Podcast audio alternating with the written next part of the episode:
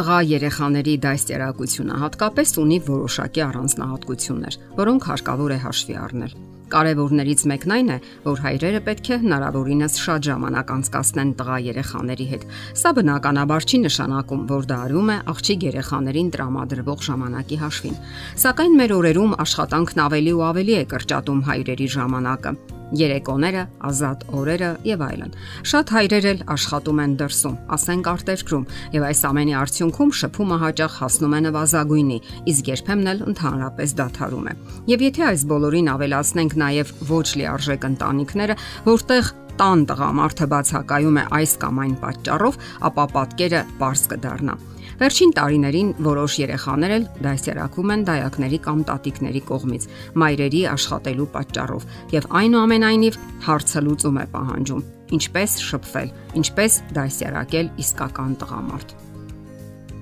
Վերջերս կատարվել է հետազոտություն, որի արդյունքները ցնցել են նույնիսկ հետազոտողներին։ Առաջադրանքը հասարակ էր՝ ողրզել, որքան ժամանակ են անցկасնում ծնողները երեխաների հետ։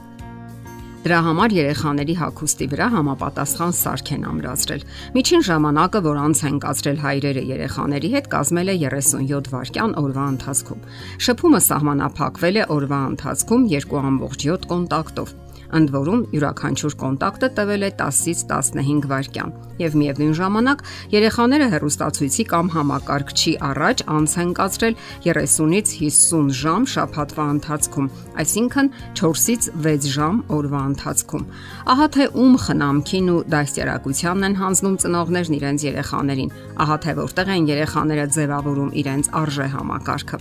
Մեր օրերում հերոստացույցին հավելվում է նաև համացանցում անցկացրած ժամանակը։ Դա իսկ խելացի հեռախոսները մեկ այլ թեմա են։ Ինչ վերաբերում է երեխաներին արժեքներն ու սկզբունքները ներարկելուն, ապա կանոնը սա է. արժեքները չեն սովորեցնում։ Դրանք փոխանցվում են երեխաներին ծնողներից։ Իսկ ինչպես փոխանցել այդ արժեքները։ Պատասխանը միանշանակ է՝ միայն ամենօրյա իրական կյանքում շփման միջոցով։ Երկար ճառեժն ու քարոզները շատ քիչ ազդեցություն են գործում, իսկ ահա գործնական շփումը եւ կյանքի օրինակը լավագույն դպրոցն է։ Հոր վերաբերմունքը մոր հանդեպ դաստիարակության եւ արժեքների փոխանցման երկրորդ տեսակետն է։ Երեխաներն անցալում են ոչ այնքան ականջներով, որքան աչքերով։ Նրանք պատճենում են այն, ինչ տեսնում են։ Եթե հայրը չի զգում եւ չի լուծում այն հիմնախնդիրները, որ զգում է մայրը, տղան երբեք չի դառնա իր ապագա կնոջ պաշտպանը։ Ահա թե որտեղից են մեր հասարակության մեջ հայտնվում անհոգի, բռի ու անկիրթ տղամարդիկ, որոնք երբեք իրենց հարց չեն տալիս. ինչպես օգնեմ կնոջս։ Հարգելի տղամարդիկ, նաև հայրեր, ուշադրություն դարձրեք ձեր վարքագծին։ Ինչպես եք զրուցում ձեր կանանց հետ։ Ինչպես եք լուծում վիճահարույց հարցերը։ Ինչպես եք օգնում նրանց տանը Ինչպես եք շնորհակալություն հայտնում համեղ ճաշի կամ ընթրիքի համար։ Ինչպես եք համբուրում նրան հանդիպման կամ բաժանման ժամանակ։ Ինչպես եք գրկում նրան։ Եվ վերջապես գնահատում եք նրան ամենօրյա միապաղաղ ու դժվարին աշխատանքի համար։ Այս բոլորը դասերակցության դասեր են տղաների, այսինքն ապագա տղամարդկանց համար, եւ թող դրանք արժանի հիշարժան դասեր լինեն։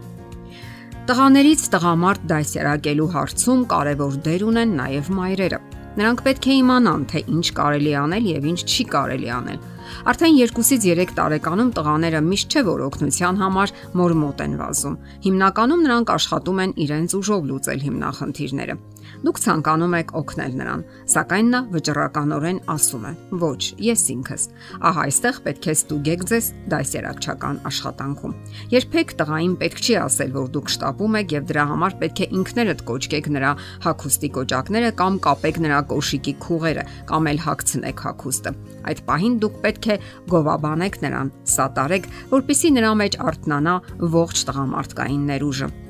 Նրան պետք է սովորեցնեք ինքնուրույն անելու այն ամենը, ինչ ցանկանում է։ Հետաքրքիր է, որ տղամարդու այդ պահանջմունքը գովաբանության ու սատարման պահպանվում է նրա մեջ ողջ կյանքում։ Ձեր տղամարդիկ մեծ թե փոքր ունեն այդ հոգեբանական պահանջմունքը։ Հարկավոր է բավարարել այդ պահանջմունքը ամենավաղ հասակից։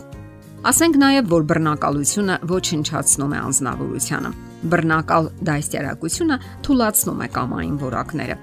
Նրա փոխարեն պետք չէ ամեն բան անել ու նաև ճնշել։ Երեխաներին սովորեցրեք հատկապես տղաներին, որ ճիշտ ընտրություն կատարեն։ Դրա համար հարկավոր է նրան տալ այդ իրադրության ողջ ինֆորմացիան կամ տեղեկատվությունը, որտեղ նա պետք է ընտրություն կատարի։ Դա կարող է լինել ընկերների ընտրությունը, գրքերի ընտրություն, հագուստի, ֆիլմերի, նվերների կամ կայքերի ընտրություն, որ նա պետք է մտնի կամ դիտի ինչ-որ հաղորդումներ կամ ինչ-որ հետաքրքրող բաներ,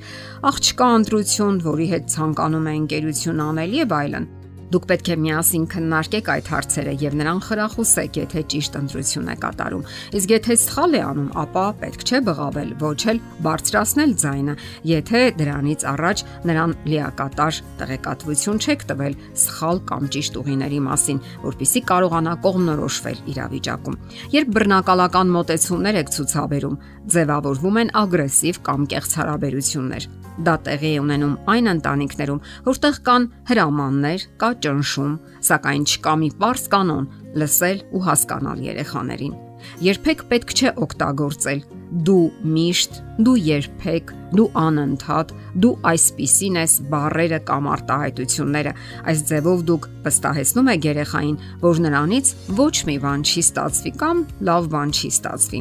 Այն ներուժը, որ Աստված է դրել յուրաքանչյուր տղայի կամ աղջկա մեջ, այդպես էլ փակ կմնա եւ հնարավոր է մինչև կյանքի վերջը։ Ձեր ընտանիքում մեծանում է ոչ միայն սիրելի երեխան, այլ ապագա տղամարդը։ Իսկ դա առանձնահատուկ մոտեցում է պահանջում։